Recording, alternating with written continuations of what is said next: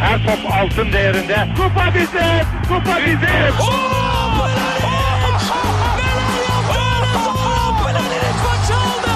Dengeli de attı. İsabetine buldu. Magna Fontaine. Zora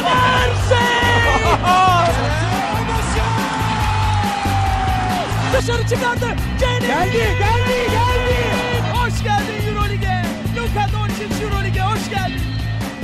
İkili Oyun'un 137. bölümüne hoş geldiniz. Ben Serkan Mutlu. Mikrofonun diğer ucunda Tancan Fümen ve konuğumuz Ali Aktin var. Selamlar. Selamlar nasılsınız? Ne haber konuk? İyi abi hoş geldin. Yani haftalardır e, çağırıyoruz. Nihayet geldin. Çok teşekkürler. Yani sıkışık programın içinde özellikle Evet. yer verebildiğin için çok mutluyuz gerçekten. Ee, evet yani bir süreliğine e, Londra'ya gittim İngiltere'deydim. Oradaki basketbol ortamını bir merak ettim. Onu araştırmak üzere. Evet bir şey yokmuş geri döndüm. Niye abi sokaklarda yok mu böyle basketbol aşk falan öyle şeyler? ya hiçbir şey görmedim. Hadi ya. şey bile basket sahası bile yok. Ya, o NBA kadar. Store var mı? Onu gitmeden arattım yoktu. Hadi ya. Oho. Yani Nike bile zor gördüm. Yakışmadı Londra sana. Neyse Ali biz yokluğunda bayağı bir basketbol konuştuk. Evet evet bu arada yorumlardan çok sağ olsunlar. Hemen şey demişler oh diğer yorumcu yok daha iyi olmuş falan. Aynen ya. Öyle bir şey. Sevgi dolu yorumlar gördüm. Çok özlenmişim. O yüzden evet ben de heyecanla döndüm.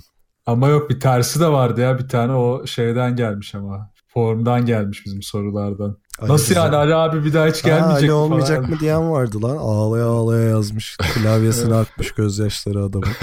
Puanlarım var abi. Ne hakkım var oğlum milleti böyle üzmeye. Har- o React'in tişörtü bastırmış çocuk. 30 lira para harcamış yani. Ayıp. O, o Laktin tişörtü. evet. Ekpe Yudak gibi bir suratımı bastıracağım tişörtü. Aktine full. Ulan onu da yapamadık ya. Şimdi şakamı da açık ettim böyle. Niye canım? Yap evet ya yapamadık doğru aslında. Evet. Dur bakalım belki bir şekil yapar. Sezon sonu yaparız. İleride evet. İsim hakları bizde nasılsa. Ee, peki NBA konuşacağız. Konuşmaya başlamadan önce bize soru sorabileceğiniz ya da görüş, yorum, öneri falan iletebileceğiniz ya da bizi takip edebileceğiniz kanalları hatırlatayım. Öncelikle soruyla başlayalım. ikilioyun.com slash soru adresimiz var. Buradan bize sorularınızı iletebilirsiniz. Her podcast yayınının son kısmında dinleyici sorusu yanıtlıyoruz. Bu bölümde de aynısını yapacağız. Web sitesi adresimiz ikilioyun.com, mail adresimiz selam at ikilioyun.com. Twitter, SoundCloud ve ikili oyun ne? Hayır. Twitter, SoundCloud ve Spotify'da ikili oyun takip etmeyi unutmayın. İkili oyun yazın arama kısmına o gelir. Ve son olarak Tancan Füme'nin Twitch kanalı twitch.tv slash tancan adresinde muazzam basketbol yayınları, yemek tarifleri, mutfak sırları, Gaz, beton, her gaz, şey var. beton. Ben de artık tükendim bulamıyorum. Gaz beton, kedi bakımı ve e, makyaj üzerine bu hafta. Güzel. Beklerim. kedi kumu seçerken yapılacaklar. Alice'in sponsorluğunda ikili oyun son hızıyla devam ediyor. Ee, peki isterseniz 76ers konuşarak başlayalım. Başlayalım. Çünkü neden? Öyle istiyoruz yani. Şeyde değil. Random seçtik. Evet. Ee, biraz genel olarak hani e, bütün sezona baktığımızda performansı nasıl, playoff şansını nasıl görüyoruz diye bir e, konuşmak istedik. Kim başlamak ister sevgili Sixers'a? Bence sen başla. Yani mükemmel Yani bir bir takım. Sixers'lı olarak. Şimdi Sixers'lı değilim. Sonuçta sempati Süreçli. duyduğum bir takım. Süreç benim daha çok ilgimi çekiyor. Ya Fre- Philadelphia'nın süreci mi kaldı şimdi? Hemen ta- taş atayım ortaya. E ya bunu konuşmuştuk canım. O Tobias Harris hatta daha öncesinde e, adını unutmayı başardım şu anda. Butler mı? Ha, Butler. Bak, E, Butler takasları olduğunda hani süreç yani süreç kalmadı bitti. Şimdi önüne bakacağız şeklinde e, konuşmuştuk zaten onu. E, şeyi konuşalım yani genel olarak doğuda hani Bucks ve Raptors e, şeyi konuşuluyor. Hani önderliğinde geçen bir mücadele olduğu konuşuluyor. Sixers oraya kafayı nasıl sokar diye konuşalım mesela. Ya ben de biraz bu yüzden aslında seçtim. Çünkü Philadelphia'nın gidişatı sezon boyunca çok stabildi ama bu stabilite hiçbir zaman bence aşırı pozitife kaymadı ya. Yani bu hafta herhalde 5-6 maçını falan izledim tekrar. Hani ve ilk sezon başında hiçbir fark göremedim hala. O çok tuhaf. Bu kadar oyuncu değişikliğine rağmen bu kadar belli anlarda, belli maçlarda, belli dönemlerde yapılan ufak değişikliklere rağmen hala aynı sorunlar devam ediyor. Bu çok tuhaf. Yani ne bu sorunlar? İşte hücum planlarının bir kısmı çeşitlenmiş ama hala aynı şeyler. Artık inanılmaz tahmin edilebilir durumdalar. Yani bütün rakipler Philadelphia'ya göre çok hızlı önlem alabiliyor. Çünkü yarı sahada ne yapacakları çok belli ve ezber hala. Hatta bunu geçen çok güzel bir örneği oldu. Bir tane yine çok ezber bir set oynamaya çalıştılar. Embiid de böyle işte ya ben nasıl olsa şimdi Butler gelecek handoff yapacak diye bekliyordu. Butler bir anda fake yapıp kat yaptı böyle. Embiid de topu dümdüz dışarı attı. Robot gibi. Çok saçmaydı yani. Bu çok çok güzel bir göstergeydi bu konuya. Yani takım genel olarak böyle bir robotik bir durumda. Belli şeyleri otomatiğe atmış. Yani idare edecek kadar gidiyor. Yani şu an yerine baktığında o hocam sen neyi eleştiriyorsun diye çıkış yapabilecek çok kişi olabilir seyirci arasında ama yani durum cidden çok tuhaf. Yani bir yandan her şey iyi gibi gözüküyor ama biraz altını kazıdığında birçok şey çok kötü. Ve ben playofflar geldiğinde Philadelphia'nın bu kadar tahmin edilebilir bir hücumla e, çok kötü bir yarı saha savunmasıyla çok kötü diyorum çünkü yarı saha set savunmasında çok fazla bocalıyorlar. Özellikle şu dönem hadi biraz rölantiyo alma durumu var ama yine de çok bocalıyorlar. Yani çok şüpheliyim Philadelphia'nın playoff'ları nasıl geçecek. Abi ben de yani Philadelphia'nın kadrosunu bak kadrosuna baktığımda sahada gördüğümde hissettiğimle yani gerçekte olan ortaya koydukları performans arasında böyle bir fark var. Yani o şeyi göremiyorum bir türlü. Uyumu, olmuşluğu göremiyorsun. Dediğin gibi sezon başında da vardı bu. Yani işte Butler hamlesinin çok olumlu olduğundan bahsetmiştik. Tobias Harris kağıt üzerinde harika bir transfer. Ama sonuca baktığın zaman yine bir olmamışlık var. Yani mesela savunma bir türlü iyi bir seviyeye çıkamıyor Philadelphia'da. Ve bu sezon istatistiklere baktım biraz. Takım savunması olarak ligde en üst 11. sıraya görmüş Philadelphia. Üstüne hiç çıkamamış ama altına da çok düşmemiş. En kötüsü de 13. Yani orada sıkışmış durumdalar. Tam bir şey averaj yani ortalama savunma takımı. Ee, mesela şeyde savunmada pick and roll'lere karşı çok sıkıntı yaşıyorlar. Bunu bütün sezon boyunca yaşadılar. Yani bir dediğim gibi hem savunmada e, hem hücumda belli şeylere takılı kalmışlar ve onların e, dışına çıkamıyorlar. E, personel değişimine rağmen çıkamıyorlar. Ve bunların ben e, bu sorunlara karşı çözüm üretememenin Brett Brown'a yazdığını ve bunların playofflarda çok fazla başını ağrıtacağını düşünüyorum ben. Bak hatta savunma eleştirine şunu da ekleyeyim. Yarı saha savunmasında gerçekten çok kötüler. Yani bütün böyle çok rafine statslarda işte şeyler at çıktığında, garbage'lar vesaireler çıktığında çok kötüler ama çok tuhaf bir durum var. Geçiş hücumlarını çok iyi savunuyorlar. Yani böyle bir dengesizlik de var. Çünkü zaten evet hareketli bir yapı var. Zaten Simmons çok hızlı işte geçiş hücum, hücum tarafını da iyi yapıyor zaten. Ve bunu da savunma tarafını yapıyor ama iş yarı sahaya gelince de işte çok çok zorlanıyorlar. O da tuhaf bir dengesizlik yani. Ya ben biraz e, insanların Sixers'a fazla yüklendiğini düşünmeye. Özellikle Brett Brown'a bu arada. E, ya şöyle bu takımın biraz beraber oynamaya ihtiyacı var diye düşünüyorum. Çünkü yani ne olursa olsun işte Tobias Harris hani kaç maçtır oynuyor bu takımlar.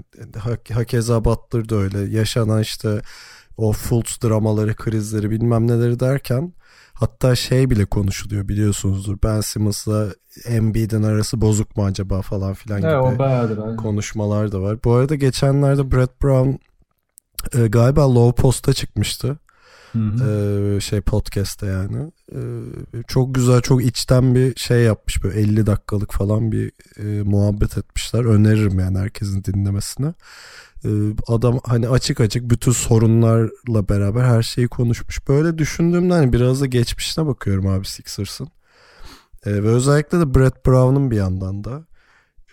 2013'ten işte 2017'ye kadar 4 sezonda 328 maçta 253 mağlubiyet almış takım. 75 galibiyet. Şeyi hatırlıyorsunuzdur. evet. E, 10 galibiyetli sezonu hatırlıyorsunuzdur zaten. Çok berbattı canım. E, onu görmüş. Üstüne Embiid'in sakatlığı. Üstüne işte Fultz olayını yaşamış. Hatta 2 sene sürdü yani Fultz'un draması. Üzerine işte Ben Simmons'ın üstüne gelen yük. Ben Simmons yok yılın çaylağı mı değil mi? Şut atabilir mi atamaz mı falan derken tamamen bir hani son iki senesi takımın şeyle geçti. Türbülansla geçti. Ben buna rağmen iyi bir seviyede olduğunu düşünüyorum bu takımın. E, tabii e, doğuda olmasının bunda bir payı var o kesin. Ee, yani Celtics'le eşleşmediği sürece bence. ee, sorun yani şöyle Brett Brown'un gerçekten biraz fazla üzerine gidiyor. Evet hani elindeki malzemeye göre şu an izlediğimiz şey belki bir, birkaç kademe altında ama bu kadar fırtınalı bir suda gemiyi gene iki senedir bence iyi idare ediyor diye düşünüyorum Brett Brown. Çünkü ne olursa olsun şey şimdi bunu söylemek istemez ama iyi bir insan yani herif. Gerçekten hayır personel yönetimi çok iyi. Hani şey oyuncularıyla arasındaki ilişkisi falan. Ee, ben yaşadığı bütün çalkantıya rağmen Sixers'ın hatta şu anki potansiyelini de düşündüğümde hani o playoff ciddiyeti de geldiğinde çıkacak bir iki vitesi daha var gibi hissediyorum ve çıkacak diye düşünüyorum. Hani biraz normal sezon illüzyonu da olabilir izlediğimiz şey yani. Ya bak ben mesela şeyleri de yüklenirim. Onlar da favorim dedi. Ned McMillan'a işte Dwayne Casey'e falan e, Brett Brown'a da yükleniyorum. Ama mesela diğer koçlardan ben hani bunun tam tersini görebileceğim ışıklar aldım. Gösterdiler de zaten. Ama Brett Brown'un ben yani bu kadroya çok ince ayarı çekebilecek koç mu? Orada bende fazlaca soru işareti var. Çünkü daha onu göremedim yani ben Philadelphia'dan. Bir de galiba şöyle bir şey var. Bu sene e, koç performansları bir enteresan işte Doug Rivers, e, Mike Malone şey zaten koç Budenholzer yani. Bu üçünü koyduğunda şey düşünüyorsun değil mi otomatikman? Yani işte Budenholzer Sixers olsa demek neler yapacak diye düşünüyorsun. Çünkü e, takımın şeyine bakıyorsun Ben Simmons, Harris, e, Embiid, Redick, Butler derken gerçekten eldeki malzeme iyi yani. Ama ben buna rağmen hani o şey içinde yaşanan bunca olay içinde takımı beraber tutmanın da bir koşluk mahareti olduğunu ve hani Brett Brown'dan başkası bunu yapamazdı gibi düşünüyorum. E, çünkü ya, kim, kimse uğraşamaz yani bu bu kadar gerginlikle, bu kadar başarısızlığın üzerine bir şey kurma gayretiyle. Bu ama işte tam şeyi işaret ediyor. Ya. İyi bir koç yerine iyi bir yönetici işaret ediyor. Tabii yani tabii zaten ben o yüzden Brett Brown kalsın gitsin etsin anlamında değil de biraz beraber oynamaya ihtiyacı var bu takımın. Belki yani ne bileyim Brett Brown'u gönderebilirler bile ama önemli olan hani şu an üretilen şeyin üzerine daha koyacak yer var eğer kadroyu bu şekilde tutacaklarsa. Hani belki de playoff aşamasında koyabilirler onu diyorum hani sonuçta playoff konsantrasyonu başka bir şey. Ve bu takımın hani şeyi potansiyeli bu değil. Ee, bu ya, kesin. Bir yandan da deniyor bu arada. Aslında tabii eleştiriyoruz ama şunları da söylemek lazım işte deniyor. Mesela şunu deniyor işte ne eleştiriyorduk? Çok fazla rotasyon muhafazakarlığı yaptığını eleştiriyorduk. Şimdi mesela rotasyona başladığında özellikle bench oyundayken e, Embiid ve Simmons'ı alıp işte Butler ve Tobias'ı bench'te oyunda tutuyor. Burada daha fazla onlara özgür bir alan yaratıyor. Daha fazla birebir oynayabilecekleri, daha fazla pick and roll deneyebilecekler. Ama işte o iş bu denkleme Embiid'i sokmadığında Simmons'ı bir kenara bırakıyorum. Embiid'i sokmadığında o pick and roll'lar falan çok olmuyor. Daha çok birebire dönüyorlar. Bazen onların yanına işte McConnell'la Simmons'ı beraber koyuyor. Ama buradaki işte tercihler yine tartışılır. Yani Simmons'ı maçın %40'ında 50'sinde evet low post'a indiriyor artık. Yani tepede çok tutmak istemiyor. Ama McConnell oyundayken bazen onu da tepede tutuyor. Bu da tuhaf. Yani orada da farklı şeyler denemeye çalışıyor. E, onun dışında ekstradan işte Butler'a özellikle clutch'ta topu teslim ediyor. Burada da şöyle bir ikilem var. Embiid de ısrarla sanki onun elinden top almaya çalışıyor gibi takılıyor. Yani bu dediklerine paralel sanki Brett Brown bir şeyleri yönetmeye çalışıyor ama oyuncular bunu belli noktalarda çok kabullenemiyor gibi geliyor. Ha bu e, zamanla oynayıp birbirine alışınca düzelir mi? Yani olabilir. Olmayacak diye bir şey yok ama şu anki durum sanki öyle değil de daha çok ikna edilmeye ihtiyaçları var gibi bir ortamda. Yani Embiid'in clutch anında çıkıp da abuk subuk tepede birebir oynamaya çalışmasını playoff'ta yaparsa hızlı bir uzun atıyorum Siakam gibi karşısına geldi ya da çok hızlı bir kısa baskısı geldiğinde çok top kaybedecekler ki normal sezonda da çok top kaybı yapıyorlar. E bu sorunları yaşayacaklar ama burada işte Butler top eline alınca işler değişiyor. Ya Brett Brown bunların hepsini deniyor. Ama oyunculardan sanki belli noktalarda istediği tepkiyi, doğru tepkileri ya da doğru beklentileri bulamıyor. E, katılabilirim. Tabii belki de şey bir ölçüdür. Mesela en son Bucks maçını hatırlıyorum Sixers'ın. Hani o maç ciddi ciddi playoff maçı sertliğinde havasında geçen bir maçtı. Ee, hani biraz o maçları sınav olarak aldığında ben Sixers'ın o sınavları verebildiğini hatta diyorum ya işte Tobias Harris'ten mesela hala şey verimini alamıyor belki de o potansiyelini hatta Butler'dan da alamıyor onu.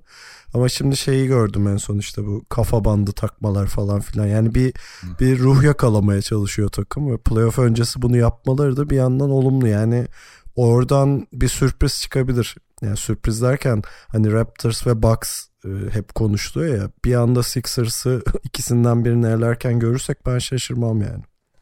Tam şey gibi görünüyor işte ya. Bu iskambil kağıtlarını ev yaparsın ya böyle bir dokunursun anında yıkılır.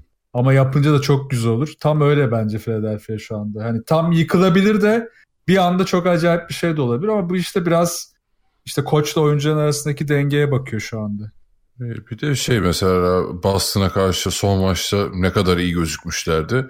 Yani ondan sonrası da dev sıçtı yani o Atlanta maçı falan neydi öyle ya?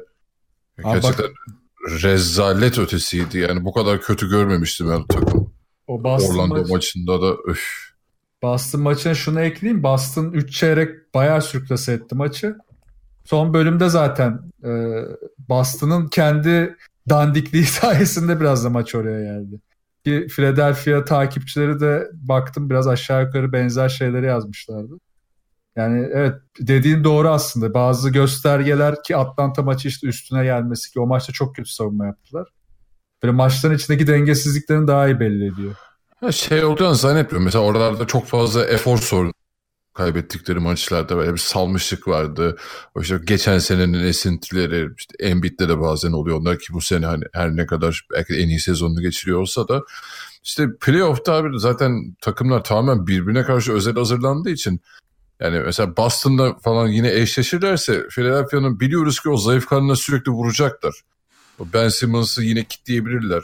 İşte Embiid'i Horford'da kitleyebilirler. Onlardaki verimi tamamen düşürebilirler. İşte Philadelphia'nın sorunu zaten genel olarak bunlara karşı e, çözüm üretmekte ya da e, cevap vermekte zorlanması. Oralarda çok ekstra işler yapabilecek durumdalar mı? Artık bu playoff'larda göreceğiz bakalım. Geçen seneye göre ne kadar farklı olacak. Ya en azından şu var ama son dönemde hani Ben Simmons'ı e, kitleme stratejisi o kadar da çalışmıyor. Yani sadece Ben Simmons üzerine bir kitleme. Mesela Bucks maçında ne yaptı ki Ben Simmons? Hiçbir şey yapmadı benim hatırladığım. 9-10 yani sayı falan attı. Ben biraz geçen seneye göre söylüyorum orada evet. çok fazla alternatif yoktu. Şimdi evet Butler ve Harris var. Ama orada şey yapıyor Brown. Orada hakkını verelim. Simmons'ı e, tepeden uzaklaştırıyor. Yani low post'a evet, atıyor. Low post'a atınca evet orada daha etkili zaten. Ya, ama işte yüzünü dönebildiği anda ya da sırtı dönük alıp top dağıttığında ya da çembere gittiğinde daha iyi. Ya orada biraz işi toparlamışlar. Ama işte bunun da mesela şey dengesi yok. Hızlı hücumla ya da geçiş hücumuyla başladıkları hücumlar eğer tamamlanmazsa Simmons hızlı, hızlı o pozisyonu alamayabiliyor. Ama yok yarı sahaya geçip oynarlarsa ve Simmons zaten topu verip direkt o posta geçiyor. Onun onu da biraz ayarlamaları lazım. Ya biraz da risk şeyi hani Simmons'tan kalkmış oldu son kadro değişiklikleriyle ama e, zayıf karın şeye dönüştü gibi. Embiid'e dönüştü. Yani Embiid'in sahada olmadığı anlarda işte Boban'la oynadıkları anlarda e, şey düşüyor savunma direnci e, zaten hani biraz e, sallantıda olan düşmüş oluyor. Hücumdaki çeşitlilik de azalıyor falan. E, yani playoff'ta Embiid'in e, sağlıklı ve zinde olması çok önemli olacak ama bir yandan eğer Embiid hani bu Bucks maçındaki gibi bir performansı playoff boyunca sergilerse zaten e, Sixers bayağı can yakar yani. Abi Embiid'in de orada şuna dikkat etmesi lazım. Çok fazla kendini kaptırabiliyor işte o tempoya girince de. Herkesi sağdan silip abuk subuk şeyler yapmaya da başlayabiliyor. O kontrole daha sahip değil. Orada mesela işte demin ondan verdim. Olası bir Toronto eşleşmesi atıyorum finalde. Ee, yani geldiğinde böyle bir eşleşme Siakam o tip birebirlerde ya da işte tepeden Lowry yardımları geldiğinde falan Embiid orada hareket alanı bile bulamaz. Bir anda elinden alıp giderler topu yani. O yüzden biraz daha dengeli olup Butler ya da işte Tobias'ı iyi kullanmaları lazım özellikle clutch'ta. Umarım becerebilir. Bir de şu da var yani ben şeyde şart değil yani her takım illa çok elit seviyede savunma yapacak gibi bir durumda yok. Philadelphia'da zaten o seviyede değil. Yani savunmada iyi yaptıkları şeyler gerçekten var ama işte belli bir seviyede kalıyor hepsi. O yüzden yani tabii sen savunmayı belli bir seviyenin üzerine çıkaramıyorsan buna karşılık hücumda çok daha akışkan ya da hücum gücün çok daha yüksek olmalı. İşte başta dediğimiz gibi hepimizin oradaki uyumda sıkıntılar, teklemeler çok olduğu için Philadelphia ile ilgili can sıkıcı ya da soru işareti yaratan kısmı oluyor daha çok. Peki doğuda kalalım. Bir de Raptors'ı konuşalım buradan. Hazır e, olası bir final falan demişken Tancan. E, Raptors'ın hani bütün sezonuna baktığımızda ya da işte playoff'taki olası performanslarına baktığımızda ne diyorsunuz? Hatta Kawhi'nin takımla olan uyumunu ya da uyumsuzluğunu nasıl buluyorsunuz diye bir soruyla başlayayım. Valla ben Raptors'ı çok daha stabil görüyorum yani özellikle diğer takımların birçoğuna göre ligdeki birçok takıma göre hatta. Çünkü Toronto aslında hem e, ile hem de Kawhi'sız iki tarz oyun yaratabilmiş durumda. Yani bu nasıl oluyor? Yani Spurs'te bahsettiğimiz durum gibi değil de biraz daha böyle oyun tarzlarına göre işte mesela rotasyon başladığında Siakam oyunda tutup Ibaka Siakam oyunda tutup yanına Anunoby ve işte başka oyuncuları ekleyip çok atlet bir savunma beşi kurabiliyorlar. Ya da işte Kava'yı Siakam ve Green'le beraber oynatıp işte kısa beşe dönüp bambaşka bir şey, boğucu bir e, yarı saha savunma takımına dönüyorlar vesaire. Böyle bunların hepsine de çok stabil yapıyorlar. E, böyle olunca da Toronto bu kadar stabil bir halde gelin, gelip de hücumda zorlanıyordu ya genelde playofflarda. Aslında geçmiş yıllarda savunması hep bir yere kadar iyi getiriyordu onları. Ama hücumda devamlı tıkanıyorlardı. Demar DeRozan'ın oyun tarzı nedeniyle işte biraz da Darwin'in formları nedeniyle vesaire. Şimdi bu sefer ellerinde Kawhi var ama Kawhi'nin da biraz burada Embiid'e benzer bir durumu var. Tabii ki Kawhi çok daha iyi bir birebirci, çok daha iyi bir clutch oyuncusu, çok daha iyi bir e, bu kritik anları oynayıp bitirebilecek bir oyuncu ama çok fazla oyun bire kaldığında da belli noktalarda süreyi iyi kullanamayıp tıkanabiliyor. Bu tıkanmaları da işte e, eğer Philadelphia konusundan devam edersek Toronto'ya karşı Philadelphia kullanabilir ya da Boston kullanabilirse doğudaki takımlara baktığımızda bir anda oyunu tıkayıp çok iyi giden bir Toronto'yu son anda yine üzerek yollayabilirler. Bu sorun maalesef hala var adamlarda ama genel olarak e, takımın Philadelphia'nın aksine hatta Boston'ın aksine çok daha stabil olan yapısı Toronto'yu bence bayağı şu anda e, Doğu şampiyon adayı yapıyor ciddi ciddi. Fena bir takım değil diyorsun yani. İyi yani evet iş görürler yani. Kadro fena değil. İyi yani. İyi iyi işte. Kavayı beğeniyor musun? Kavay hoş hoş bir. Kavay yerine kim alır? Hoş bir tebessümü var onun. Abi şöyle bir şey yani bana mı öyle geliyor bilmiyorum ama ne zaman Toronto maçı izlesem bu arada yani şaka bir yana e, kadro kalitesi tartışılmaz. Gerçekten iyi bir kadroları var. İşte zaten e, kazanma kaybetme oranlarına bakıyorsun. Çok iyi bir takım yani Raptors ama böyle şey gibi Kavay bir o takıma ait değil gibi bir havası var yani. Hani böyle Kavay oyuna giriyor. Kavay artı 4 kişi var. Kavay oyundan çıkıyor. Pek bir şey de değişmiyor yani. Raptors hala şeyi yapabiliyor e, hala maç kazanabiliyor Kavay'sız da. Çünkü dediğim gibi kadro kalitesi iyi ve hani Kavay oyunda yokken Kyle Lowry daha çok e, ipleri eline alabiliyor falan ama yani bir türlü Kavay'ı daha şey kullanmak yani Kavay sağ içindeyken takımdaki diğer oyuncuların ofansif gücünü yükseltecek şeyi bir türlü yakalayamadılar. Yani bir kimya e, ne bileyim amiyane tabiri olacak biraz geyik olacak ama bir sinerji sorunu var gibi şey yapıyorum Toronto'yu. Bu kesinlikle bu arada hani playoff öncesinde alarm çalacak bir durum değil yani. Hani haşa bakıyorsun heriflerin şeyi e, sezon içindeki performans çok iyi ama hani bir kavay artı etrafında takılan adamlar gibi bir havası oluyor yani Kava şeydeyken sahadayken bilmiyorum bana mı öyle geliyor. Demek ben... istediğim de bunun içindi. Pardon abi şey araya girdim. Şey diyecektim sadece. Yani demek istediğim aslında oydu. Biraz böyle Kavay'ın işte o kendini soyut biraz daha oyundan koparttığı anlarda sorun çıkabilir diyecektim. Aynı aynı aynı kafadaymış biraz aşağı yukarı. Ya, yani şöyle bitireyim hani notlarımda yazmışım bir maçı izlerken. Hani Kavay'la Larry şey gibi oynuyor. Topu an kimdeyse o hücum etsin abi gibi oynuyorlar yani. Ali'yi kestim. Ali'yi kestim özür dilerim. Yok ya ben de sizin söylediklerinize çok paylar gireceğim zaten. Ben de şeye bakıyordum. E, bir ilginç bir istatistik vardı. Belli e, sayı ortalaması belli bir seviyenin üzerinde olan oyuncular da Kava'yı topa dokunma, toplama oyunu oynama oranında şeyin bir üstünde. Clay Thompson'ın bir üstündeymiş. Hı-hı. Ki Clay'in ne kadar topsuz oyuncu olduğunu biliyoruz yani. O keçen şutla var olan bir adam. Yani top e, topla çok haşır neşir olan bir adam değil. İşte playoff'lara geldiğimizde Kavai'nin bence bir seviye vites arttırması gerekecek ve o Raptors'ın top trafiğinde daha çok yer alması gerekecek diye düşünüyorum. Çünkü diğer türlü mesela top e, şeyin elinde, Lavre'nin elinde olduğu zaman ya Lavre bir de çok hani size'li bir oyuncu olmadığı için onun hücumda üzerine e, çekebileceği savunma daha kısıtlı oluyor. E, Kavay zaten gerçekten hani ayı boğan gibi bir adam. Onu iki kişiyle anca tutabiliyorsun. Mutlaka yardım getirmek zorundasın ona. Lavri ile aynı etki yaratamıyorsun. Ama Kavay da işte top trafiğinden bu kadar uzakta olunca aynı tehdidi yaratamıyorsun. Ya bunun uyumunu e, sezon boyunca çok göstermedi Raptors. Ha, bu da bir taktikti belki onlar için bir seçimdi.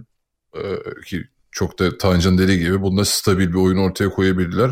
Ama bu playoff için yeterli olacak mı? Bu onlar yani Raptors için en büyük soru işareti olacak. Yani ben bir noktada tam hani Doğu için yeter belki ama bu NBA şampiyonuna yeter mi? Oraya orada ben ikna olamadım açıkçası bu sisteme. Abi şunu zaten bence Kawhi'dan esirgememiz lazım. Çünkü e, Durant'i işte Tatum'ı ne bileyim başka öyle oynamaya çalışan ve eleştirdiğimiz şu an hani aklıma yani yok ama öncelikle bunlar orta mesafe şutları eleştiriyoruz ya bu oyuncuları belli noktalarda ya da işte tercih sayılarını bazen orta mesafeden yana çok kullanıyorlar diye. E Kavayı da bu gruba, gruba katmalıyız. Aslında dediğini destekleyen bir durum. Yani çembere gitmesi ya da daha kısa mesafe floaterları yapıyor evet ama yine ağırlığı hala uzak mesafe orta orta mesafe şutlar ya da işte biraz daha e, üçlüğün altında bulduğu şutlar vesaire bunlar hala çok yüksek. İşte zaten yine konu şuna geliyor. Oralarda o bölgede iyi savunma yapabilecek herhangi bir takım ya da sıkıştırma getirebilecek ya da onun işte e, o low posta sırtı dönük oynayabileceği oyunlarına iyi yardım getirebilecek takımlar her zaman kavayı zorlayacak. Ha, e, tabii ki boş bulduğunda ya da işte e, ekstra üçlükleri yakaladığında deniyor ama ağırlığı hala orada değil. O yüzden bu eleştiriyi Kava'ya da çok rahatlıkla yapabiliriz yani. Peki olası bir Bucks Raptors konferans finalinde tahmininiz ya da tercihiniz hangi takımdan yana olur diye sorayım. Serkan Mutlu sormuş Berlin'den. en güzel eşleşme olur bu arada biliyor musun? Çünkü e, iki takım da boyalı alanda iyi iş çıkarıyor. İki takım da boyalı alanda iyi savunma yapacak potansiyele sahip. İki takımın da e, saldırı noktaları benzer ama tek farkı işte bir takım çok daha iyi e, şutör konumunda bir takımda inanılmaz e, ekstra çember edebilecek silahları var. Onda işte Milwaukee biraz geride kalıyor. Sadece Antetokounmpo biraz da Bledsoe o kadar net gidiyor biliyor çembere. O yüzden çok dengeli inanılmaz süper bir final olur. Benim gönlümden Bucks geçer açıkçası. Ama e, yine de Toronto'nun Siakam'la ve işte diğer e, o kısa beşte yaratabileceği bir sinerji de onlara çok ciddi yanıt verebilir. Çünkü Antetokounmpo 5'e geçtiğinde onlar nasıl çok etkili bir hale geliyorsa diğer tarafta Siakam'ın 5'e geçtiği çok etkili bir Toronto 5'i var. Ki zaten Nick Nurse bence bu bütün bu senaryoları düşünüp bu takımı bütün sene boyunca hazırladı. Nick Nurse'ü bu rotasyon denemelerinden dolayı da çok takdir etmek lazım. Şimdi rotasyon muhafazakarlığı bitmeli derken aslında bunu söylüyorduk. Yani muhafazakarlık yaparsan hep stabil bir şey gidersin. Herkes sana alışır. Ama sen rakiplerine göre sezon içerisinde kullanabileceğim beşleri devamlı çalıştırırsan yani farklı beşler, farklı denemeler, kısa, uzun, işte 3 forvetli, 4 forvetli belki farklı denemeleri yaparsan olabilecek her rakibe de hazır olursun. Toronto, Milwaukee hazır gelecek ama Milwaukee'de Antetokounmpo'nun gücüyle onları e, çember bölgesinde bayağı zorlayacak. Çok güzel final olur öyle bir şey olursa. Vallahi ben de iple çekerim yani öyle bir finali. Bu arada hani ben Toronto'ya daha tam ikna olmadım diyorum bu playofflar için ama diğer tarafından da bakarsak olaya hani DeRozan'la Kawhi değişiminden sonra yani Toronto'nun geçen sene oyun sonlarında yaşadığı sıkıntı yok. Clutch anlarda falan Kawhi'yle o sorunları yaşayacaklarını hiç düşünmüyorum. Çünkü yani bu sene zaten gösterdi Kawhi'nin oralarda yani harika oynar onları. Ali Bey Çembere soruya tek gider. kelimelik cevap alalım. Ha benim de Lafı gönlümden uzatma boşuna. Hadi. benim de gönlümden box geçer ya. Ben de Antetokounmpo'cuyuz. Antetokounmpo. Evet bu podcast'te bir Antetokounmpo tarafgirliği var yani. Ben de Antetokounmpo'cuyum. Ne yapacağız bu işi? Seviyoruz kendisini. Ya ben iki senedir söylüyorum ya ben bayağı aşırı sevdiğim Benim de beğendiğim bir oyuncu. Yani çembere çok iyi gidiyor Tancan'ın da. Oğlum, Atletik bir arkadaşımız. Atletik. Çembere daha iyi giden biri var ama şu an Toronto'da Siakam abi. Acayip gidiyor. İnanılmaz yani. Ya şey oldu ama bak onu atlamıyorum. Kawhi bizi biraz mutsuz etti ya bu. Bilmiyorum beni etti sizi de etmiştir herhalde. San Antonio Spurs sürecinde. İşte mızmızlanması, devamlı söylenmesi. Bir şöyle tokadı yesin de kendine gelsin mi Aynen, diyorsun? Anladım. Aynen aynen bir burnu sürsün. Benim ben abi Kavay evet o zaman itici gelmişti. Bir de abi bu sezonki bu devamlı load management oynamamak 55 maç falan oynadı galiba e, bu sezon. Maç kaçırdı. Hani e, ona da ben bir gıcık oluyorum. Niye abi? Ne bu rahatlık ya?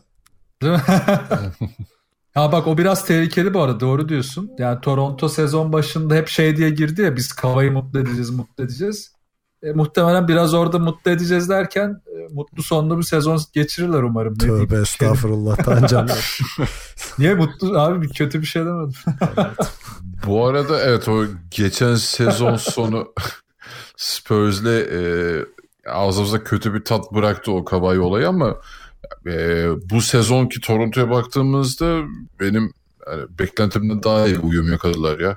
Yani sağdaki o şey top trafiğinden falan bahsetmiyorum ama e, hani burada sorun çıkaran adam vesaire olmadı Kawhi yani daha e, olumlu bir şey ortaya çıktı ki ben sezon sonunda kalacağını düşünüyorum.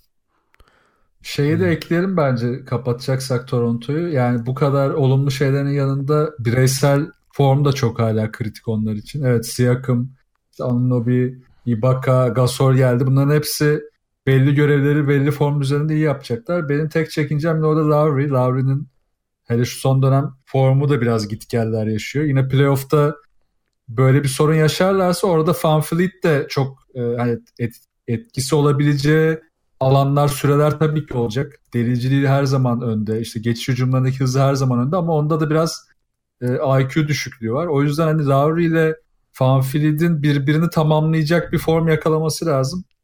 Yoksa Toronto kısa rotasyonda biraz zorlanabilir. Peki NBA'in açık ara en iyi konferansı olan Doğu'yu konuşmaya devam edelim. Ee, ya bu arada e, ya şöyle bir şey oldu aslında şimdi bak konuştuğumuz takımlar Bucks Raptors hani olası final falan diye konuşuyoruz. Buna Sixers'ı belki de Celtics'i falan hani e, eklediğimizde ya doğudan kim çıkarsa çıksın enteresan bir hani izleti sunacağı kesin çünkü hani LeBron'un hükümdarlığının sona erdiği bir dönemi yaşıyoruz. O yüzden ne olursa olsun basketbol izleyicisi kazanacak diyorum kendi kendime yani. Evet ya Doğu'da değişik bir hareket göreceğiz bu sene. Tabii.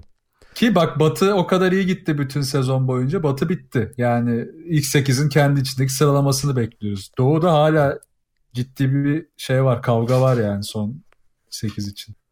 Evet son podcast'ı kaydederken Spurs dördüncüydü şu an sekizinci mesela ama tabii Aynen.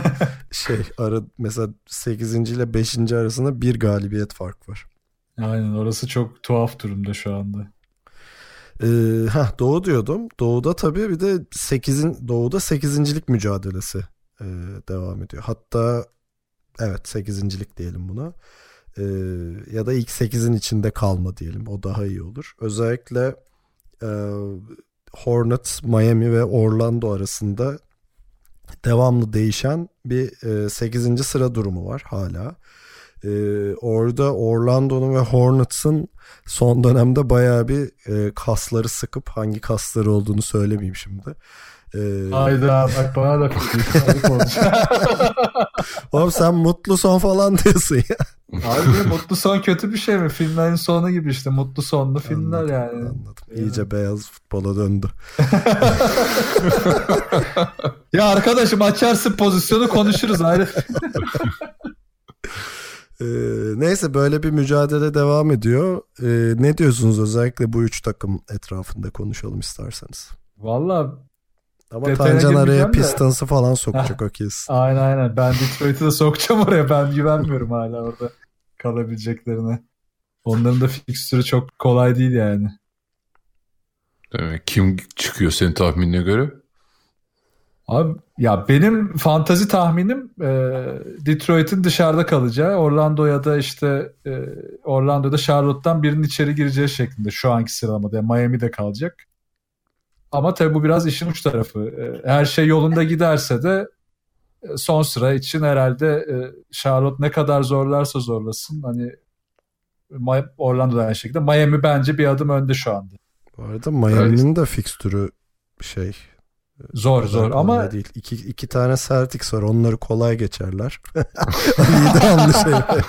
ama bu arada Celtic bu takımların hepsiyle oynuyor ya. Evet evet. Aynen. Ee, yani Raptors deplasmanı var. Sixers'la oynayacak. Son maçta net yani Heat'in şeyi de fiksürü de zor baya. Aynen. Bir anda bastın da aşağılara gelmesin. Ali'cim ne diyorsun bu konuda? Daha inecek bir yer kalmadı zaten. Yani. Ve üçüncülüğü zorlar mıyız falan derken ya gerçi Indiana ile iki kere oynayacak yanlış hatırlamıyorsam ama e, yani çok da fark etmez abi 5 olmuşuna 4 benim çok umudum kalmadı yani bu sezondan. E, şey 8. muhabbete dönersek Ali birazdan yani, aşkımız renklere sizlere değil diye tezahürat edecek. Ee, ben Charlotte'a hiç şans vermiyorum. Çünkü gerçekten onların kalan fiksürü bayağı kol gibi. Bir de e, hani son aldıkları dört galibiyet serisinde de hani mesela Toronto galibiyetlerinde falan öyle çok da şey hani biraz dinlenmelere vesaire denk geleceğiz üstteki takımlardan bu dönemde mutlaka. Ama yani 6 tane falan deplasman maçları var. Onların da hiç kolay iş yok. Ben böyle biteceğini düşünüyorum ya. Detroit, Brooklyn, Miami ile biter alt taraf. Orlando'nun ya tabii ki de ihtimal var. Ama e, yani kafayı sokarsa anca Orlando sokar. Ben Charlotte'a hiç ihtimal vermiyorum. Ya ben şahsen Heat'in çıkmasını çok istiyorum. Ee, Çünkü Dragic. Dragic zaten. ya ama onun dışında Wade'in şu sempatik sezonunun bir de e, playoff'la bitmesi güzel olabilir diye düşünüyorum gerçekten. Bir de şimdi itiraf edeceğim ama Orlando'yu çok sıkıcı buluyorum. Ya abi o Peki Orlando aslında... mu daha sıkıcı Detroit mi? Bunlar zor. Anneni mi seviyorsun babanı mı gibi sorular. ya gerçekten ama Charlotte, Orlando ve Detroit izlemesi zor takımlar ya. Bu takımların taraftarlarını takdir ediyorum. Bak Brooklyn ve Miami evet aynı seviyedeler. Hani sayısal olarak şu anda bahsediyorum. Oyun olarak farklılar. Sadece kalite farklarından ve belli e, sakatlık süreçlerinden dolayı belki de buralara geldiler ama e, Brooklyn'de Miami'de izlemesi zevkli ya. Yani Miami'de Spolstra işte Hassan Whiteside'i kenara aldıktan sonra Bam Adebayo'yla ve işte Dragic dönünce çok hareketli bir e, hücum, yarı saha hücum takımı da orada deniyor. Önceden daha durağan oynarlardı. Şimdi daha hareketliler. Ya o yüzden biraz daha bir denemeler, farklı şeyler hissediyorsun ama Orlando inanılmaz dengesiz. Yani maçın bir an 5 dakikasını böyle aa diyorsun ya bu adamlar herhalde hiç bakmasan sıralamada 5. falandır diyorsun. 3 dakika geçiyor aa da sonuncu takımı izliyoruz falan diyorsun. İnanılmaz dengesiz. Ya Vucevic bak o kadar iyi bir sezon geçirdi. Hücum alanında her şeyde takdir edersin. Ama savunma geldiğinde böyle etrafta dolaşan biri olarak takılıyor. E, zaten Charlotte desen Kemba'nın etrafında dönüyor her şey. Ki ekstralar evet e, son bölümde işte Bacon, Hernan Gomez vesaire işte biraz da ağırlık koyup ekstralar verdiler ama yine de o kadar heyecan verici bir halde değiller. Pistons yine aynı şekilde yani e, bütün hücum sistemleri e, Griffin etrafına döndüğü için Griffin o gün ne isterse ya da ne hissederse ona göre şekilleniyor. Ya da işte biraz Drummond'ın e, ağırlık koyduğu maçlar daha farklı gidiyor. O yüzden hani bu takımları izlemek biraz şey gibi. Hep aynı yemeği yemek gibi oluyor bir yerden sonra. Ben de bayıyor bu üçü de. Ama umarım ben de Miami kalır diyorum. bu arada Miami'nin çok garip bir e, şeyi var bu sene. E, geçmişi. Evinde oynadığı maçlar 18 galibiyet 21 mağlubiyet. Deplasmanda oynadığı maçlar 19 galibiyet 17 mağlubiyet. Yani deplasmandaki skoru artı evindeki skoru eksi adamların. Evet onlar da bir yandan da çok şanssız ve formsuz oldukları dönemler geçirdiler ya. Yani. Batı'ya karşı daha iyi oynuyorlar. Doğu'ya karşı daha kötüler. Yani Golden evet. State'i falan yendi herifler yani yani çok deng yani zaten takımın oyundaki dengesizliği de biraz şey yansıtıyor yani bu seneki skorlara da yansıdı onlarda. Ee, peki son şeyi sorayım isterseniz öyle bitirelim. Ee, şimdi herkes şeyi konuşuyor. Kevin Durant, Kyrie Irving ve Kawhi'nin işte free agent olarak ne hamle yapacağını. Kemba'dan bir sürpriz gelir mi? Yani çünkü şöyle o biraz şey gibi kaldı burada. O kadar çok konuşulmayan ama bir yandan gideceği takım gerçekten NBA'deki hani herhangi bir takımın hüviyetini değiştirebilecek e, taşları oynatabilecek bir adam da olabilir. Ama herkes diğer üçlüyü konuşuyor gibi bir durum var. Ya Kemba evet e, hem de sezona fırtına gibi girmişti yani çok iyiydi. Ki yani sezonun genelini çok iyi götürdü bu arada. Biraz bir, bir dönem biraz e, sallandı ki geçmiş yıllara göre daha aklı başındaki Borrego'nun en iyi yaptığı işlerden biri oldu ya. Onu daha kontrol altına aldı. Belirli görevleri daha net verdi vesaire. O da onları iyi kabul etti. Özellikle yarı saha hücumlarını yönlendirmede hızlı oynarken doğru tercihleri yapmak. Kısaların en büyük sorunu oluyor yani doğru tercih yapamamak. Şimdi bu kadar değerli bir hale gelmesi dediğin gibi yani onu özellikle de cap'inde yer olan biraz daha böyle free agency'de iddialı bir katkı yapmak isteyen bence her takım düşünecek. Ve birçok takıma da cuk diye oturabilir ya. Yani tabii ki orada yine şey çok önemli. Yani Kemba'nın geçmişini unutmayalım. Onu yönetebilecek doğru bir koç da olması yine çok önemli olacak. Hani birçok takıma yakıştırırım ben onu ya. Ki bak Lakers'a gitmesin ama Lakers'a giderse yine zıbıtabilir. e, kim olabilir? Yani zaten yana gard arayan birkaç takım Mesela Sans mutlaka bir kapısını çalabilir ya, öyle bir durum. Mesela bak Sans'ta e, Kokoşkov'la beraber gayet etkili olabilir. Kokoşkov'la Mesela, beraber derken kalacak diye düşünüyorsun öyle mi? Ama kovacaklarsa zaten neyse bir şey demeyeceğim şimdi. Ağzımdan kötü sözler çıkacak Sans'la ilgili. ben ihtimal olduğunu düşünmüyorum mesela Kokoşkov'un kalması. İyi seneye de izlemem o zaman. Ne olacak? Bu sene de çok az izlemiştim. Sans gider neyse. Clippers. Bak Clippers olabilir. E, Brooklyn Nets olabilir. Neden Brooklyn Nets olabilir? Çünkü e, Atkinson orada DeAndre Russell'la ikisini bir araya getirebilecek nadide koçlardan biri. Ne bileyim belki Indiana olabilir bir noktada. Ya yani birçok takıma bence oturuyor ama evet Clippers çok güzel bir örnek. Ne bileyim belki bir noktada işte e, istediği şeyleri alamazsa New York da zorlayabilir. Ama New York'a giderse o kadar e, umutlu değilim başarılı olacağını ama. Kyrie giderse Boston. Da Boston evet olabilir. Brad Stevens onu gayet iyi yönetebilir. Ki bak şöyle bir özelliği de var aslında Kemba'nın. Kyrie gibi yani uzaktan gördüm tabii. Sonuçta kafa yapısını çok da bilmiyoruz. Kyrie kadar böyle aman ben lider olacağım, ben işte herkesi yöneteceğim. Ay liderlik liderlik. O biraz işin oyun tarafında yani oyunu seviyor. Oyunu oynamak istiyor. Brad Stevens onu daha rahat yönetir Kyrie'den.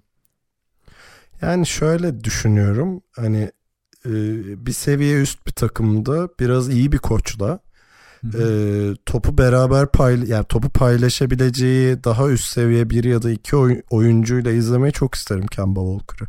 Yani çünkü şu anda e, Hornets'a biraz sıkıcı de, demekte de haklıyız. Çünkü Kemba'nın çiftliği gibi. Haklı olarak bu arada hani e, kadro kalitesine baktığında.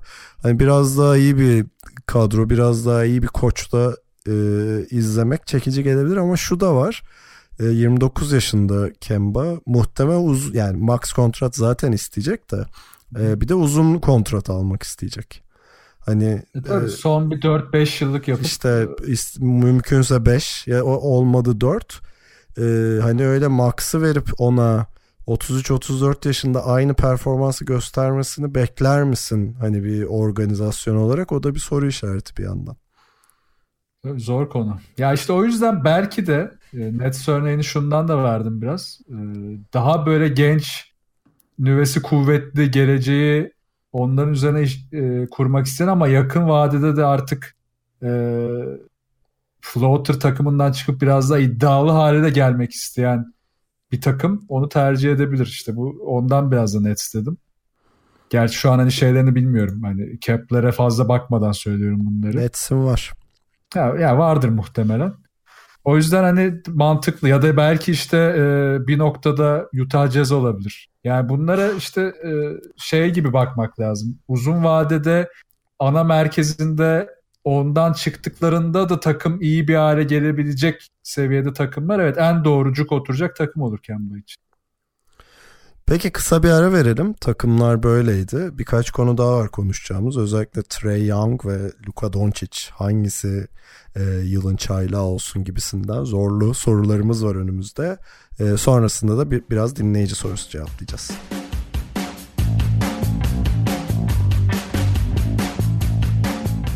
Serkan Mutlu, Tancan Fümen ve konuğumuz Ali Aktin'le ikili oyun son hızıyla devam ediyor. Bir de benim kedi kafamda şu an o da konuk sayılabilir. Ali böyle 3 program gelme 3 değil mi?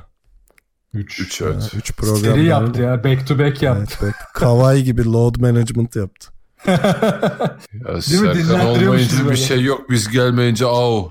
İşte ben bunu ağzıma dolarım onu diyecektim. Ama harbiden şey gibi oldu böyle takımın oyuncularını dinlendirmesi gibi oldu dönem dönem. Bir arada ben Evet. gelmeyeyim bari 2-3 maç yat. Evet Tancan sen çok şey Lebron gibisin yani.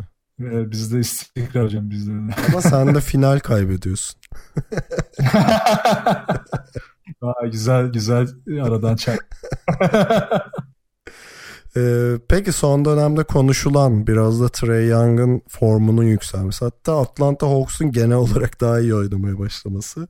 E, bir yandan da Luka Doncic'in e, kötü bir Mart geçirmesi sonucunda bu eski ve ünlü Trey Young mı Luka Doncic mi hangisi yılın çaylağı ödülünü alır hangisi hak ediyor e, konusu biraz hareketlendi. Önce şu yılın çaylağını bir konuşarak başlayalım. Ya bence ödül değişmeyecek ama yani Doncic'te kalacak gibime geliyor. Burada çünkü şunu şunu atlamamak lazım. Doncic tabii sezon başını çok daha iyi geçti. Trae Young Ali de aynı ligde oynuyoruz işte fantazide. Trae Young'ı ben altlarda kaldığı için çok kelepir diye almıştım. Sezon başı çok kötü başlayınca takas etmeye çalıştım. Kimse almadı. Sonra da abi takas eder misin diye herkes kapıya gelmeye başladı. Öyle bir hale geldi. Yani sezon başı gerçekten çok kötüydü. Yani stabilitesini çok sonra bulabildi. Ama o yüzden e, ben hala Doncic e, biraz daha önde diyorum. Ya zaten e, aynı klasmanda değerlendirmek biraz bu durumda Trey Young'a haksızlık oluyor. Çünkü adam ya Doncic çok daha komple ve hazır bir oyuncu olarak geldi NBA'ye. E, Trey Young yani kendi yaşıtlarıyla oynarken geldi. Ya Doncic ya Avrupa'nın en iyi oyuncularıyla beraber yani MVP oldu. işte şampiyonayı kazandı milli takımla. O yüzden ben çok e, aynı sınıfta değerlendirmelerine biraz haksızlık olduğunu düşünüyorum. Daha iki kadar sene yaşları- önce Ekpeyudov'dan blok yiyordu diyorsun. E yani, yani burada çok daha iyi pişti Doncic. E, Trey Young'ın başlarda bocalamasını falan profesyonelliğe ilk adım attığı için çok normal buluyorum ben. O yüzden e, bu sene her ne kadar evet, dediğiniz gibi son dönemde Trey Young çıkış yakalasa da yani o ödülü Doncic'ten almak çok büyük haksızlık olur. Ya şey ç- ha, pardon, abi sen Ya bana söyle. şey gibi geliyor. Trey Young'ın üzerinde sezon başında e, bir Curry baskısı vardı. Biraz haksız bir baskı. Sadece şut stili benziyor. Hatta hani elinden top çıkarışı benziyor. Biraz da hani logoya yakın atabiliyor diye. Ki o dönem çok kötü atıyordu. %23 falan da ortalaması yani. Evet çok kötüydü. Ve hani bir yandan Atlanta'da dened olduğu için attıkça deniyor, denedikçe olmuyor, morali bozuluyor gibi e, bir şey, bir durum yaşadı. Buna karşın Doncic de yani şöyle oldu sonuçta Doncic çok iyi bir 6 ay geçirdi. Trey Young çok iyi bir 3 ay geçirdi gibi bir durum oldu. Hani böyle karşılaştırdığımda ben kesinlikle Doncic'in hak ettiğini düşünüyorum ama hani şimdi geçtiğimiz bir aya baktığında Doncic hani Mart'ı çok kötü geçti. Özellikle e, onun da üç, şey e, field goal'u %30'un altına düştü sanırım Mart ayında. Çok kötü üçlük attı zaten. Evet. Berbat üçlük. Yani çok kötü şut tercihleri yaptı aslında. Hani biraz da öyle. Ee, ama gene de overall hani bütün sezona baktığımda ben Doncic'in hak ettiğini ve Doncic'in zaten alacağını düşünüyorum ödülü. Ya ben şu noktadan biraz Trey'e de, değinmek istiyorum. Şimdi bu, bu sene işte bu Twitch analizlerinden dolayı biraz NCAA'yi izlemeye başladım daha ağırlıklı olarak. İşte Duke'u, işte Zion'ı, R.J. Barrett'ı falan, Cam Reddish'i, farklı işte Hachimura'yı falan. Abi NCAA basketbolu o kadar geride ki hala. Yani Trey Young'ın oradan kendini geliştirerek çıkması zaten çok zor. Şimdi mesela sezon başında hazırlık maçlarında merak edip izlemiştim Trey Young'ı. Kesinlikle sahanın hangi noktasında savunma neredeyken drive edecek? Drive noktasında yardım var mı? İşte drive ettiği anda pası nasıl çevirecek vesaire bunlar hakkında hiçbir fikri yoktu. Çünkü devamlı alan savunmasına hücum ederek geliyor. Yani zaten NCAA'den ya çok üst düzey bir zekaya, çok üst düzey e, bir doğal yeteneğe sahip değilsen yani LeBron James işte Kobe vesaire Durant gibi NCAA'den zaten hazır gelme şansın çok zor. Yani hazırdan hani kastımız biraz da işte oyuna uyumlu gelmek. NBA oyununa uyumlu gelmek. Böyle olunca da Trae Young çok zorlandı. Bir de çok güçsüzdü sene başında. Yani güçlendi. Çok ciddi güçlendi. Yani sene başındaki o e, ilk sadece savunması için hücumda da böyle darbe aldığı anda yıkılıyordu. Ayakta duramıyordu. Şutlarını hızlı çıkaramıyordu. Çok zorlanıyordu. E şimdi izliyorsun çok daha güçlü, daha stabil. E, içeriye drive ettiğinde e, ayakta kalabiliyor, daha rahat floater atabiliyor vesaire. Ama hala mesela oyunun teknik taktik tarafında savunmayı okumada ya da işte hücumun hangi noktası zayıf, ben nereye drive edebilirim bunların tercihinde zorlanıyor. Şut tercihleri de aynı şekilde. Ama burada gençliğiyle ilgili. Yani Trey Young'ın aslında deli fişek temel... bir çocuk diyorsun. Aynen öyle. Kendi... Bostancı sahile giden işte bizden biriydi. Ama işte şey e, o NCAA'den gelen alışkanlıklarını anca atabildi. Aslında Doncic'in işte hazır olmasının avantajı burada fark yarattı. Ha Doncic'in eksiği yok mu? Var. Tabii ki Doncic de çok daha iyi oyun okuyabiliyor Trey'den ya da çok daha iyi e, pası nereye çevireceğini ya da işte sıkıştırma geldi bir de tabii fizik avantajı var. Sahayı yüksek görebiliyor. Yani bu dönemde en değerli şeylerden biri. Topu daha rahat çevirebiliyor terse ya da içeriye. E, bu avantajlarla Doncic zaten öndeydi ama Trey Young'ın işte kendini biraz daha NBA'ye adapte ettiğinde bu eksikliklerini kapattığında ikisini beraber uzun yıllar böyle bir drafttan gelen o e, tatlı rekabette bayağı renkli bir şekilde izleyebileceğiz muhtemelen. Peki Berlin'den Serkan Mutlu sormuş. Abi iyi yayınlar çok severek dinliyoruz. Ee, cevaplarsanız seviniriz. Trey Young, Luka Doncic hangisinin tavanı daha yüksek? Ah geldik tavanı. Yavşağın sorduğu soruya bak ya diye böyle şey. bir tavan sorusu. abi be. bunlardan ya. Aynen ya. Bir de benzetme sorusu. Abi Doncic kime benziyor falan. ya gerçekten bunu tavan olarak değil de ikisinin de geleceğini düşündüğümüzde hangisinin daha iyi bir oyun yani tavan. Çeviremedim olmadı yani. Ya çünkü Ali'nin dediği şey e, şeye biraz katılıyorum ben. Yani Doncic çok daha hamuru yoğrulmuş hazır bir oyuncu olarak geldi. Belki de hani potansiyelinin belli bir kısmına ulaşmış bir oyuncu olarak geldi. Trey Young da senin dediğin gibi hani NCAA'den geldi. Baktığında belki de ki ben gerçekten böyle düşünüyorum. Trey Young'ın potansiyeli bana daha yüksek gibi geliyor Doncic'e kıyasla. Ha, kalan potansiyeli mi toplam potansiyeli mi o zaman? Yer Geleceğe dönük diyorsun. Geleceğe dönük. Ha, anladım. Yani ben bu konuya biraz şöyle yaklaştığım için e, takımla ilgili diyeceğim ya. Çünkü oyuncuların artık yükselmesi de takımla daha farklı bir noktaya geliyor ya. Yani bu noktada ikisi de aslında eşit seviyede. Atlanta'nın elinde çok iyi bir nüve var. Dallas'ta çok iyi hamleler yapıyor Porzingis'le vesaire. Eğer takımları eşit kabul edersek gelecek potansiyel olarak ben açıkçası hala Doncic önde görüyorum. Yani hem fizik avantajı olarak hem de e, oyunu daha sakin, daha doğru şut seçerek, daha doğru okuyarak daha üst seviyeye gelebileceğini düşünüyorum. Çünkü Trey Young'ın bir noktada şutuna daha çok güvenmesi, eğer bunu değiştirirse tabii işler farklı edebilir. Şutuna daha çok güvenmesi onun oyun tarzını biraz takımdan koparabiliyor belli noktalarda. Eğer takım uyum sağlar, şutunu e, takımla beraber uygun bir hale getirir. Tercihlerini, pas tercihlerini biraz daha e, oyunun şekline göre yaparsa kendi kafasına göre değil. Evet o zaman daha da yaklaşır Doncic ama benim e, önceliğim Doncic'te potansiyel olarak. Ya burada biraz olay e, şey yani Trae Young'a daha çok bakıyor. Eğer beklendiği gibi hani yeni bir Curry geliyor, beklentinin karşılaşır, karşılarsa, elit bir şutör haline gelirse işte e, bu yaz mesela e, geçen sene şeyin yaşadığı gibi fiziksel olarak bir adım ileri atarsa e, Darren Fox gibi o da mesela Tancan'ın bahsettiği sorunları geçen sene Darren Fox da yaşıyordu özellikle fiziksel olarak. Öyle bir gelişim geçirirse e, ben burada biraz daha Serkan'a katıyorum. Yani beklentileri karşılarsa e, Trey Young'ın tavanını ben daha yüksek görüyorum.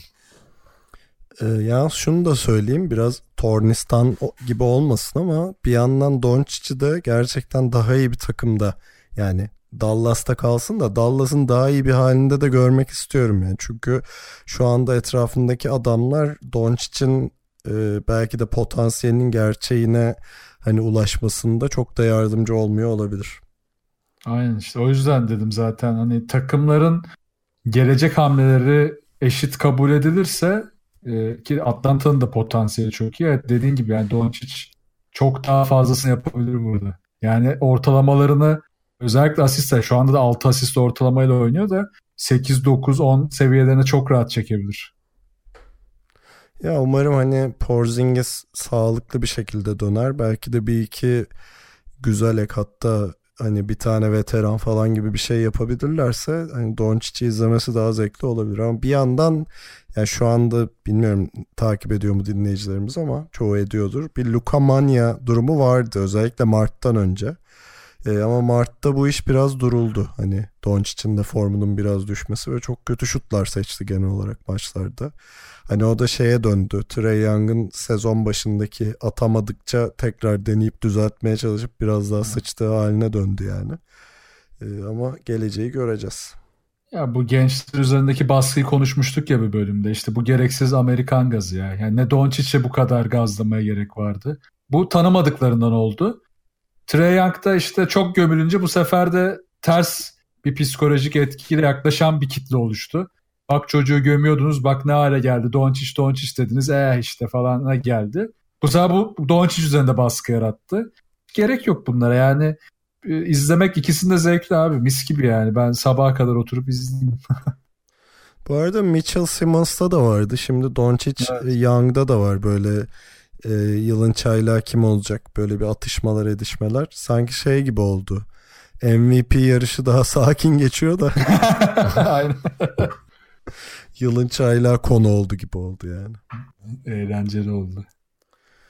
Peki biraz üzücü bir olayla devam edelim. Ee, yani konuşsak mı falan diye düşünüyordum. En sonunda bari biraz arkaları atalım da öyle geçelim diye. Nurk için sakatlığı. Evet, ee, bu arada ben pozisyonu izlemedim.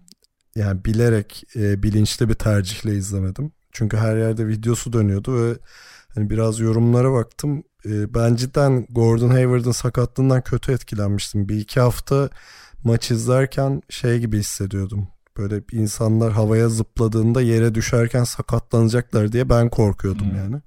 E, bir daha onu yaşamak istemedim ama e, yani çok kötüymüş duyduğuma göre.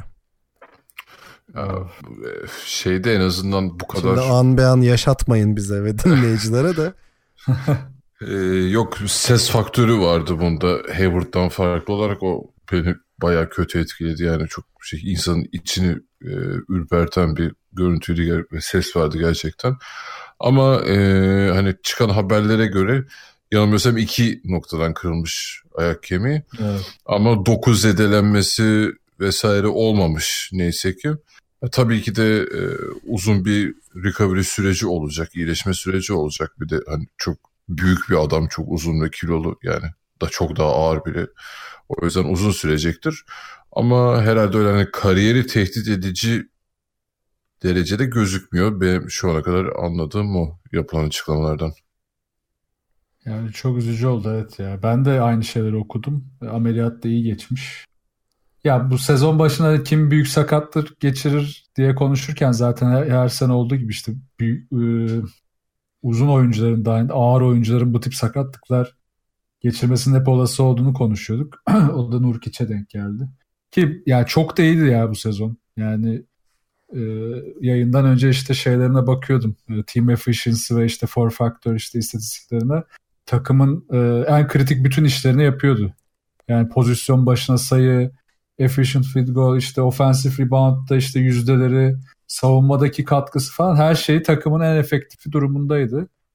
Geçen seneki o e, playoff sonrası aman dağıtsak mı noktasından belki de Nurk için bu sezonki performansıyla playoff'ta ki ben bile yani Portland'a hiç şans vermeyi düşünmüyorken ama bu sene Portland bir, bir değişik bir şeyler yapabilir noktasına getirmişti beni Nurkic sayesinde. Derken tekrar normal Derken, sezon takımı oldu. tekrar üzücü bir şekilde e, başa döndüler. Kötü oldu ya. Yani ben daha çok tabii Nurkic için üzüldüm. Bu kadar da iyi giderken çok yazık oldu yani. Umarım e, eskisine yakın bir şekilde dönebilir. Ee, peki son konumuz. Hadi biraz daha eğlenceli bir şeyle bitirelim. Ee, Ginobili e, ge, dün gece San Antonio Spurs Ginobili'nin e, formasını emekli etti. Ee, işte tör, törende Duncan ve e, Popovic konuştu. Bilmiyorum başkaları konuştu mu da ben o klipleri özel olarak izledim. Ee, tekrar şöyle birkaç tane üzerine cila olarak şey çektim. Ginobili videosu. Şöyle 15'er dakikalık iki tane işte Harden'a bloğuyla biten o videolardan. Onları da çok izledim ben de. Aa şey düşünüyorum abi hani hani şu an mesela 18-19 yaşında olan NBA izleyicileri onu izleme şerefine nail oldu. Gerçekten Ginobili'yi izlemek bir şerefti yani benim için. En başında itibaren ta 2004 işte olimpiyat şampiyonluğundan beri hani özel evet. olarak izlediğimiz bir oyuncu olarak. Ee, hatta daha öncesinde bu arada. Ee, ama mesela şey düşünüyorum 3-5 sene sonra işte şu an 13 yaşında olan diyelim e, çocuklar hani NBA'ye biraz daha gözlerini açtıklarında Ginobili şey olarak kalacak onların gözüne. Ya sayı ortalaması düşük ama işte Hall of Famer olmuş. Bench'ten geliyormuş falan bir adama dönüşecek. Buna üzülüyorum mesela yani. Hak etti mi karşı e, tartışması bile çıkarsa zaten çıldırırız herhalde. Öyle olursa mikrofonu kırarım yani gerçekten. Ya evet ya ben ben üzüldüm, üzülüyorum ya her gördüğümde. Keşke daha çok izleyebilseydik. Bir yandan da şey üzülüyorum ama çok yaşlanmışız ya böyle bakınca yani. ya, Kinder Bolonya'da izlediğimiz dönemler falan geliyor aklıma yani çok. Yani zaten da... sabahtan beri her yerde şey Duncan, Parker ve Ginobili'nin şeyleri var böyle. Yani beraber üçlü işte bench'ten fotoları vesaire gerçekten de aşırı yaş hissettim kendimi. Bu çok kötü bir yandan da. Ya Ginobili şey konuşması çok iyiydi ya ben oradan gireyim. Ee, Tim Duncan işte Popovic'le telefonla aramış ya kimi aldık ya hmm. biz falan diye. bir de orada ya şeyin çok... taklidini yapıyor işte e, Stern'ın. Emmanuel Ginobili. Koca şapkayla kafasında şey, Popovic de ya çok iyi bak vallahi falan diye tamam tamam anlıyorum falan deyip Ha bir de orada Duncan'ın dediği çok ufak bir geçiriyor şey diyor. Gene hiç tanımadığım birini almışız.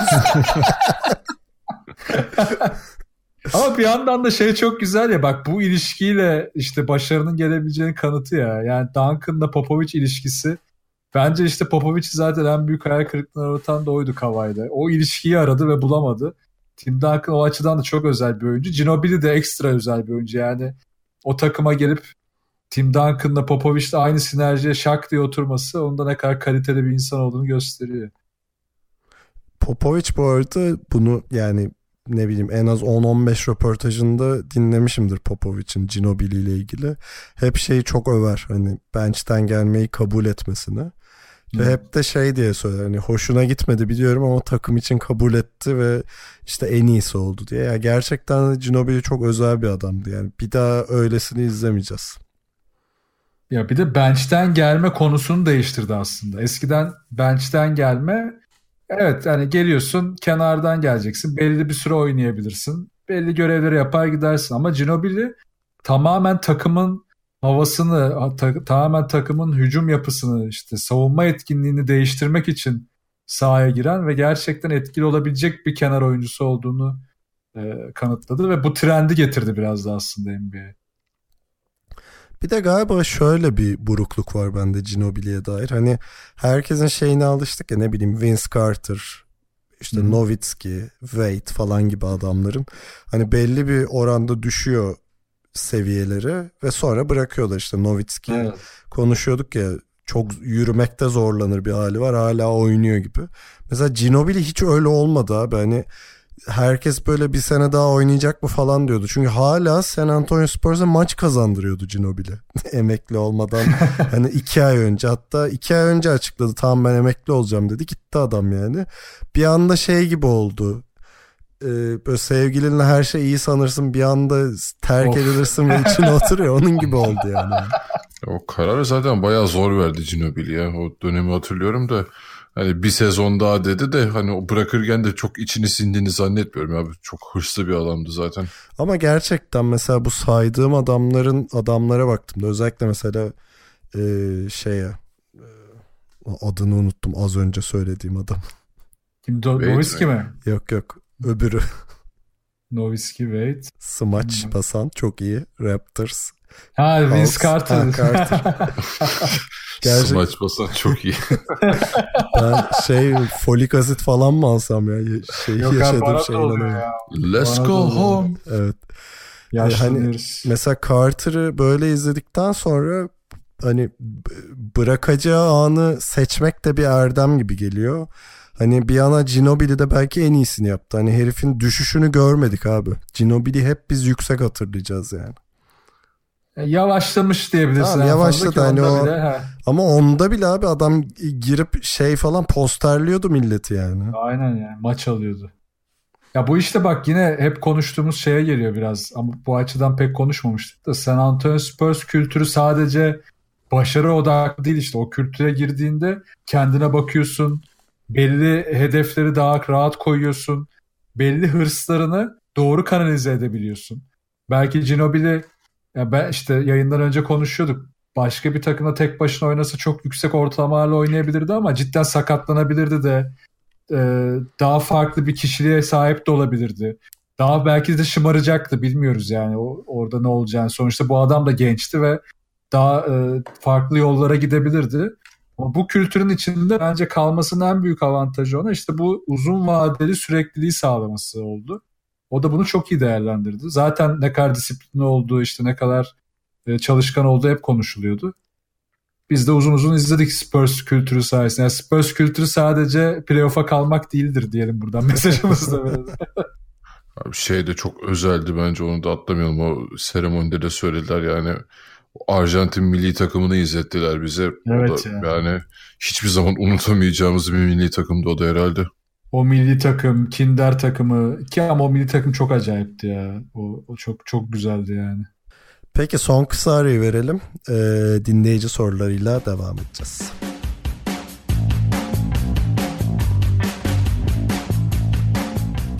İkili oyun olanca hızıyla devam ediyor. Dinleyici sorularına bakacağız şimdi. Soruları okumadan önce bize nasıl soru iletebileceğinizi şöyle kısaca tekrar hatırlatayım. ikilioyun.com slash soru adresine giriyorsunuz. Sorunuzu yazıyorsunuz. Enter'a basıyorsunuz. Ne kadar kolay değil mi Tancan? evet bu kolaylıkları sadece ayda 1.99'a siz de Sorunuzun en üstte ve kesinlikle cevaplanmasını ister misiniz? Mega paket. Değil mi? Soru paketleri satsa aa çok mantıklı. Bak fikirler çıkıyor. Bu bir arada ara bunu yapan podcast var. Aa hadi ee, ya. Şey Neil deGrasse Tyson'ın pod, podcast'i. Eğer şey Patreon'da back edersen onları yani para verirsen hmm. e, senin sorunu önce okuyorlar ve cevaplıyorlar kesin falan filan gibi bir şeyleri var yani. Bak böyle bir şey yaparsak ve gerçekten parayla soru cevaplarsak Black Griffin'in MVP olasılığını bir 10 dakika konuşurum. Tancan'a böyle ayda 10 lira karşılığı Black Griffin övdürmek isterseniz sizi Bunu yapabiliriz. Peki ilk soruyla başlıyorum. 364 kişi sormuş. Siz de bizi özlüyor musunuz diye. Ben hemen bunun özetini geçeyim. Geçelim sonra konuyu. Ee, burada açıklamamıştık ama yakın zamanda biz Telegram grubumuzu kapattık. Ee, zaten son yayınlarda da t.me diye övmüyorum grubu. Ee, ya bunun tek bir sebebi var. Artık zaman ayıramamaya başlamıştık ve oraya sarf ettiğimiz enerjiyi e, podcast'e çevirmek istedik. Tamamen bu yüzden. E, grupta 400 kişiye yaklaşmıştı. İşte 364 olmuş. Biraz hüzünlü bir ayrılık oldu. Oradan bir şey yapmışlar. Hatırlatma yapmışlar. Hepsini öpüyoruz buradan. evet öptük. Peki Woolerin, Woolerin nasıl okunuyorsa sizce Duck Rivers bu sene yılın koşu ödülünü alabilir mi? Valla bence adaylardan biri olabilir. Çünkü gerçekten beklentilerin çok üzerinde bir Clippers izliyoruz bu sene bence. Hele Tobaya serisi falan gittikten sonra hala bu seviyelerde kalmaları böyle çok beklendik. E, beklentilerin dışındaydı. Ve yaptılar playoff yaptılar. Yani helal olsun diyorum. Ben çok etkilendim bu sene Doug Rivers'ın performansından. Ya geçmiş yıllarda hep ne kadar çok dandik koç var diye tartışıp bu sene yılın koçu adayına ben 10 tane aday var. yani çok aday var. Yani Doug Yani Rivers ne bileyim Atkinson bile aday değil mi baktığında? tabii yani bak Budenholzer, Nick Nurse gayet iyiydi işte Macmillan muhteşemdi. E, Atkinson zaten Brooklyn Nets'e acayip iş yaptı. Mike Malone takımın bütün çevresini değiştirdi. E, D'Antoni bile yani e, sezon başına göre belli şeylerde oynama yapıp takımı eski haline getirdi. Yani herkes iyi durumda ama tabii Doug Rivers'ın ekstrası elindeki malzemeyi çok farklı hale getirdi. E, bu bence daha değerli yani bir koç için sadece galibiyet alması değil elindeki malzemeyle ne yaptığını e, belli etmesi çok önemli. Yani burada da Budenholzer, Mike Malone ve Doug Rivers öne çıkıyor açıkçası. O yüzden aday olabilir. Ee, Ben de bu üçünü çıkarıyorum ama tahminim Mike Malone alacaktır. Hani geçen sene playoff kaçıran hatta bir maçta kaçırmıştı Nuggets öyle bir de orada son üzücü maçta. durumda olmuştu. Ee, Şu anda Batı'da Golden State'le liderlik mücadelesi veriyor. Yani orada zıplattığı yani getirdiği seviye inanılmaz. Hani Budenholzer'ı zaten söylemeye gerek yok. Adam e, Bucks'ın bütün potansiyelini ortaya çıkardı. Ve Jason Kidd, Kidd'i biraz kötü duruma düşürdü. Ee, bu arada ne güzel ki konuşmuyoruz Jason Kidd, Lakers falan filan. Bunlardan uzaklaşmamız. Ama- Çok Yazın eğleneceğiz. Evet, yani normalde bu arada ha, pardon sen şeye ekle abi. Ha bir tek Dark Rivers'a şey ekleyecektim. Bu adaylar arasında e, kendini geliştiren koç olarak e, farklılık yaratan Mike Malone bir tek bence. Yani Mike Malone acayip eleştirirken, yanlış işler yaparken inanılmaz derecede kendini de geliştirdi. Diğer koçlar zaten belli bir seviyedeydi. Bunu ekleyecek. Yok kesinlikle öyle. Ben zaten o yüzden Mike Malone'un favori olduğunu düşünüyorum ama normal şartlarda hani geçtiğimiz seneleri düşündüğümüzde Doug Rivers bu performansı ne bileyim iki sene önce gösterse, geçtiğimiz sene gösterse kesin yılın koçu derdik ama bu sene koçlara maşallah maşallah var yani. Evet. Yiğit Kılıç Utah Phoenix maçında Utah 30 sayı öndeyken Booker'a 60. sayıyı attırmamak için başka oyuncuya taktik fauller yapması hakkında ne düşünüyorsunuz? Ya bu Tancan sen özetle bunu. baktım. Evet buyur. Aynen. Ben öncesine bir baktım bunun. Dedim e, konteksti bir anlayalım. Hani ne oldu acaba diye. 5 dakika kala Booker oyundan çıkıyor. Suns'ta. Sonra 3,5 dakika kala iki takım da komple bench'e dönüyor. Yani maç bitmiş zaten. 20 küsur sayı fark var. Sonra 2 dakika 50 saniye kala civarı Booker'ı geri alıyor oyuna Phoenix Suns. Öyle olunca da Quinn Snyder biraz buna içerlemiş. Çünkü yani maç bitmiş artık orada herkes bench'e dönmüş. O yüzden e, tekrar Booker almasının tek amacı anlamsızca ona sayı attırmak ya da işte e, şovunu tamamlasın gibi bir havaya sokmak. O olunca da Quinn Snyder direkt sıkıştırma getirmeye başlıyor. E, iki, iki buçuk dakika pardon e, bir dakika kalana kadar devamlı sıkıştırma getiriyorlar. Sonra da en sonda da artık atamasın diye faal falan yapıyorlar diğer oyunculara ki ona hiç top gelmesin, orada hiç şans olmasın diye ve attırmıyorlar. Gerçekten 59 sayıda kalıyor. Ya biraz e, Sans burada hani Kokoşkov kendim istedi. Booker yoksa ben gireceğim e, atacağım diye mi istedi bilmiyorum ama yani etik giderken böyle bir şey yani iki takımda oyuncularını almışken maçtan çok anlamsız bir hareket olmuş. Ha derseniz ki abi profesyonellik bu olur. O zaman Snyder demiş ki tamam ben de o zaman taktik yapıyorum deyip yapmış. Ona da kimse bir şey diyemez bu durumda. Diyemez de ben Kokoşkov'un şey yaptığını hadi evladım bu 40 gir bakalım göster ya işte kendini? Çok inanmıyorsun değil mi? hiç, hiç içime sinmiyor hikaye yani hiç inandırıcı gelmiyor. Muhtemelen Booker istemiştir ya. Ya bana Utah yerden göğe kadar haklı geliyor bu arada. Tabii canım. Hani böyle oyunun yazılı olmayan kuralları var ya onun biraz dışında bir hamle gerçekten. Çünkü bu arada maç 125-92 bitiyor. 33 sayı farkla bitiyor. 92 sayısının 59'unu Booker atmış. Hani tamam orada zaten çarpıcı bir şey var ama sırf 60 bulunsun diye de hani artık iki koç da bütün bench'i oyuna koymuşken sadece Booker'ı sokmak bence e, Utah orada haklı diye düşünüyorum. Biraz zaten Quinn Snyder'la Kokoşkov da el sıkışırken ki yani beraber çalıştılar ne kadar süre. Quinn Snyder'ın yüzünden ve konuşma tarzından sistem ettiği anlaşıldı maçtan sonra hemen döndü gitti zaten. Hiç şey yapmadı. Ege Ersöz, NBA'in geçtiğimiz günlerde 0.99 dolar yani 99 sente satışa sunduğu 10 dakikalık pass seçeneği hakkında ne düşünüyorsunuz? Sizce NBA'in böyle bir seçeneği satışa sunması işte highlight ve crunch time odaklı hızlı tüketime dayalı değişen izleyici alışkanlıklarıyla mı alakalı diye sormuş. Hemen bilmeyenler için ben özetleyeyim. Bunu Heat Thunder maçında denediler. Ee, NBA app'i kurulu olan ama NBA üyeliği bulunmayan yani NBA TV üyeliği bulunmayan PAS üyeliği bulunmayan kullanıcılara bir tane notification gitti, bildirim gitti. İşte bu maçın dördüncü çeyreğini sadece 99 cent karşılığında izlemek ister misiniz diye. Ee, ben de enteresan buldum bu arada. Hani ama şey değil hani ne bileyim bu kadar uzak bir okuma yapmam işte highlight ve crunch time odaklı değil de biraz şey gibi yazılımların deneme sürümleri olur ya. Hı hı. Ee, biraz öyle gördüm bunu. Enteresan bir ticari şey olmuş, tercih olmuş.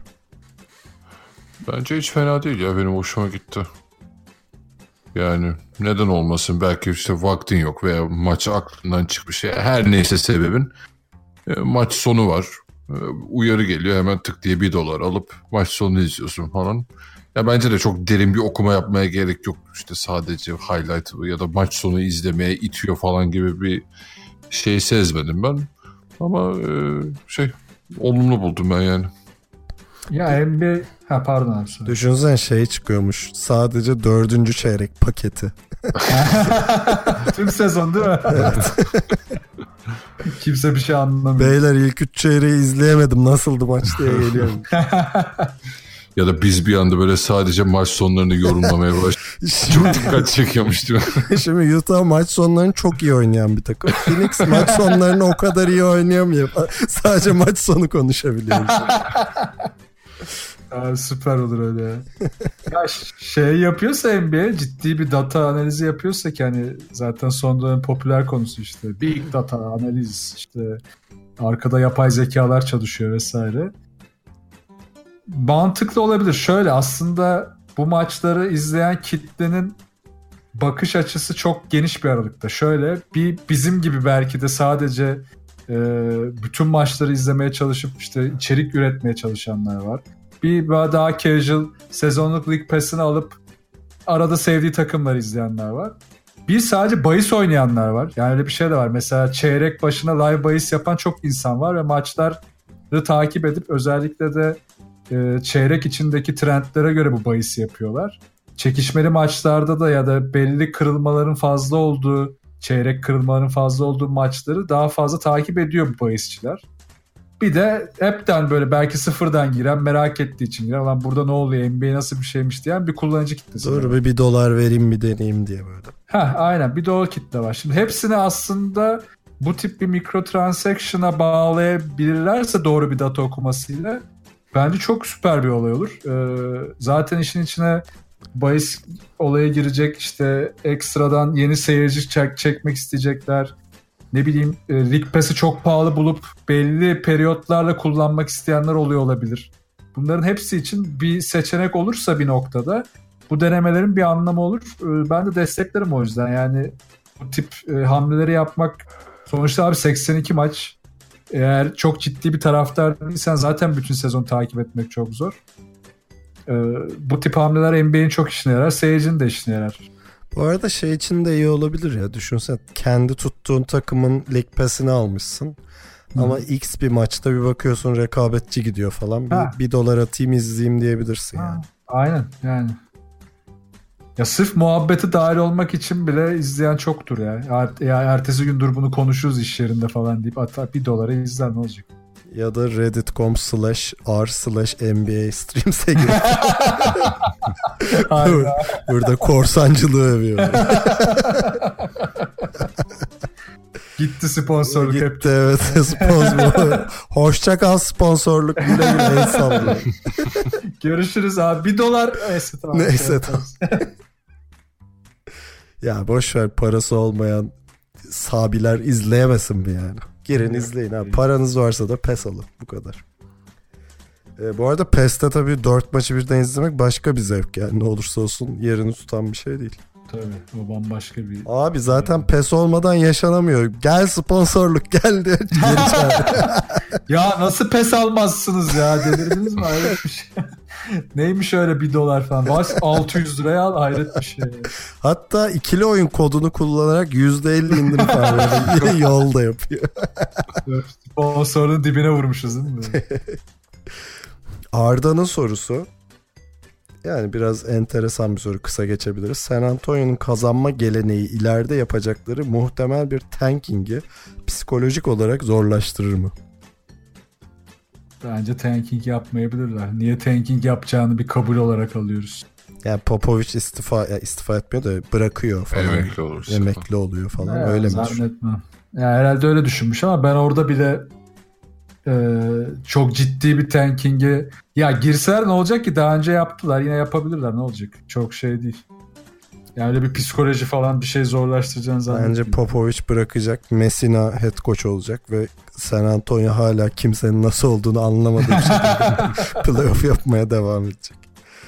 Deyip Burkay'ın sorusuna geçelim. Jaren Jackson, e, Jaren Jackson, Miles Turner, Anthony Davis üçlüsünden hangisi yok ile daha uyumlu olur? AD. Okey geçelim. Çok fantezi. Ben de AD derim buna. Abi Anthony Davis'in koymayacağın herhangi bir takım olabilir mi yani? Herhangi bir takım, herhangi bir e, kadro. Ya Yok bir de ya. şeye bakmak lazım. 5-4 Ali'yi dengesi kızdırdı bu soru. Masayı devirdi şu an. 4-5 olarak iç içe geçebilecek en iyi ikili olurlar. Tamam bence de böyle. Tamam. Ali İhsan Çelik. Playoff'lar bugün başlasa arkasına aldığı ivme veya düşüşüne baktığımızda en büyük sürpriz ne olur? İşte Golden State şampiyon olamaz. Bucks final yapar gibi böyle bir parantez içine de sokmuş oradan ekmeğini yemeye çalışmış Ali İhsan Çelik. Abi en büyük sürpriz bence şu iki sürpriz olabilir. Birincisi Philadelphia NBA finaline çıkar. Evet, İkincisi büyük de sürpriz olur. aynen. İkincisi de e, Golden State Denver'a elenir. İki sürpriz sana. Ee, ben de bunu diyecektim. Golden State'in şampiyon olamadı hatta finale çıkamadığı sene olması ki bu hani ihtimaller dahilinde herhalde. Ee, başka ne olabilir diye şöyle bir puan tablosuna bakıyorum. Puan ya Boston'ın şampiyon olmasından daha büyük bir sürpriz olamaz ama bilmiyorum bunu konuşsak. Boston birinci turu geçsin de sonra konuşuruz. Ondan abi sürpriz işte. Portland konferans finali yapar falan mesela. Ha, o bunu da- Büyük sürpriz. Anladım. Biraz da abartma mı diyorsunuz tamam. Ya Heat Bucks'ı eler falan öyle şey. Spurs şakasını da yapabilir ha. Bak hiç şey yapmıyorum ya atlamıyorum. Keşke ya bir şampiyon olsa da şöyle tura çıksam Berlin'de bayraklarla. Tek başına abi. Spurs şu batıdan harbiden finale çıkarsa yani tarihin e, en büyük sürprizlerinden biri olur herhalde. Evet. Ne diyordu Tancan? Delirerek deliririz mi? Öyle bir şey var. Delilerek delirip e, arabalara atlayıp çıkarız. İbili ibili ibili cibili cibili cibili diye gezeriz. Peki son soru Anıl Alan'dan geliyor. Takas değeri sorusu diye e, başlamış. Normal koşullarda Paul George ve Kava'yı Kava'yı. Kava'yı karşılaştırmamızı istemiş. Oyuncu kartları birbirine çok benziyor demiş. Kavay'ın iki sezonluk sakatlık artı Naz'ı ve Paul George'un bu sezonki yükselişini göz önüne alırsak hangisinin takas değeri daha yüksek sizce diye sormuş Anıl Alan. Kavay. Teşekkürler Ali. Haftaya görüşmek üzere. Bir de böyle çok tok söyledi ya Kavay. ben etkilendim açıkçası. Paul George diyecektim. Cevabımı Kavay. İkna ettiğime inanıyorum yani argüman. Ya ciddi cevap vereyim mi? çok keyif oldu. Ver abi. Şey e, ya ben coaching olarak hani yönetme olarak ve koç gözüyle bakarsam ben Paul George'u alırım. Yani çok daha yönlü bir şekilde onu sahada kullanabilirim diye düşünüyorum. O yüzden Paul George. Ama soru takas değeri sorusu. Koç olsan hangisini alırsan değil. Tamam işte takas değeri e, şey benim için daha değerli Paul George'un. Yani Ona öncelik veririm. Kava'ya bu bir iki senedir gıcık olduğum için ben de Paul George'u alırım da ben Kava'nın takas değerinin daha yüksek olduğunu düşünüyorum mesela. Hmm. Yok ben Paul George diyorum ya. Hayda, Hayda. herif vazgeçmedi ya. Tamam abi ben de çok seviyorum Paul George'u bu sene çok efsanevi bir sezon geçiyor da Kavay yani. Yok yok ben Paul George diyorum. Ay Allah Allah. Soru soran herkese çok teşekkür ederiz. Kısa Paul bir ara, George. kısa bir ara verip Tancan'ı ikna etmeye çalışacağız. Bir 15 dakikaya görüşürüz.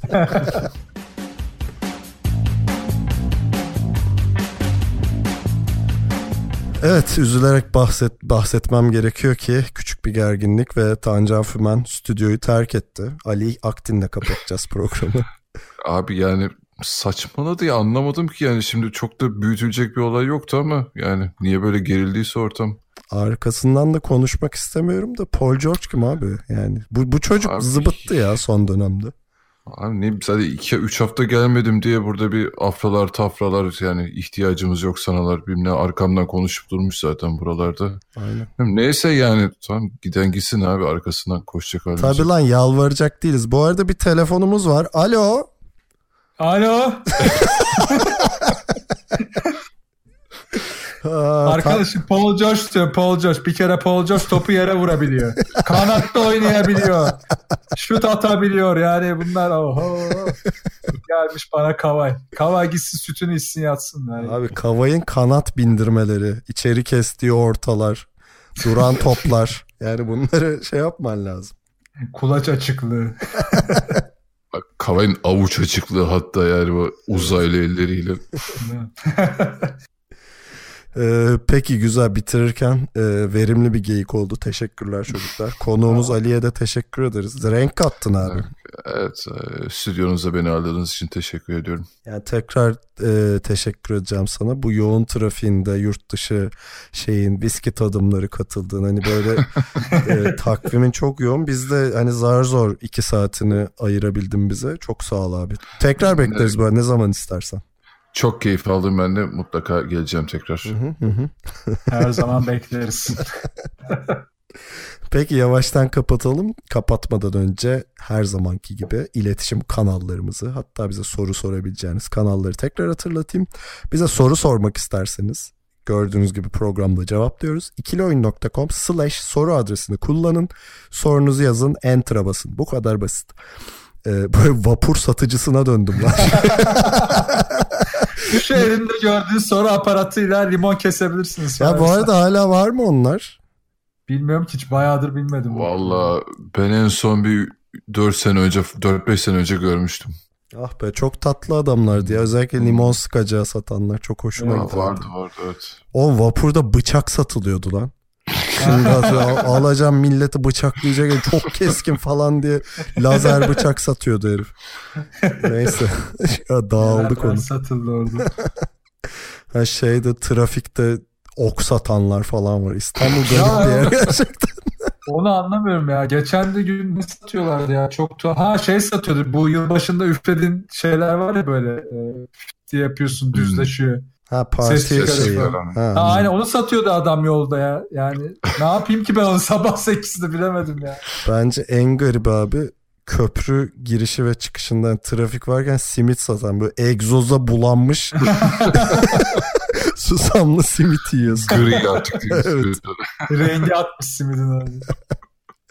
Neyse ne diyorduk? ikilioyun.com slash soru buraya nasıl geldim ben? Ya, Yani Arif'in Manchester attığı golü ararken Hayda ka- kapar mısın abi? Seda Sayan'ın yedi simidi bulduk. Hadi yapma yapma Tancan dur. Ee, web site adresimiz ikilioyun.com mail adresimiz selam at ikilioyun.com Twitter, Soundcloud ve Spotify'da ikili oyun takip edip yeni bölümlerimden yeni bölümlerimden Erkan'ın bölüm bölüm Evet, yayınlıyoruz. evet. haberdar olabilirsiniz. Farklı konuklarım. Bu hafta Tancan ve Ali vardı. Haftaya kim var? Ali Evet. ve Tanju. Ali ve Tancan var. Ulan iyice dağıldı bilyeler ya. Program uzadı diye mi böyle oldu? Kapat abi kapat neler oluyor. Ee, dur son olarak Tancan'ı övelim. Twitch.tv slash Tancan adresine. Bu arada Tancan bir e, promosyonunu yapmak ister misin? Bu ara biletli bir etkinliğin varmış. Aa evet. e, takip edenler varsa yatay bakış programımız var Can Sungur'la yaptığımız. Onu 6 Nisan Cumartesi günü Berlin Al- Olimpiyat Stadında. Ben Olimpiyat'ta-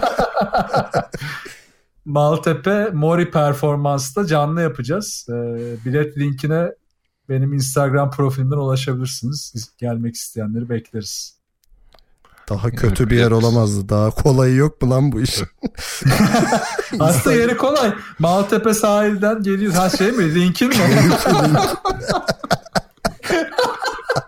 Abi, Tancan delirdi. Yalan desi verdi o herif. Giderken Abi şey- solda gelirken sağda. şöyle bir sorun var. Bilet çok kolay da nereden satıldığını hatırlamıyorum. tamam. Biletin oydu galiba. yarabbim. Neyse Biletino.com olabilir. Tancan'ın Twitter'ına falan bakın vardır herhalde oralarda. Var var. Twitter'da, Instagram'da var. Bakabilirsiniz. Okey tamam. Ee, Oğlum resmen dağıldım ya programı. Peki bir sonraki yayınımız Euroleague olacak. Hafta sonu muhtemelen Euroleague yayınımızla tekrar birlikte olacağız. O programda görüşene kadar kendinize iyi bakın ve hoşçakalın. Hoşçakalın. görüşürüz görüşürüz hadi.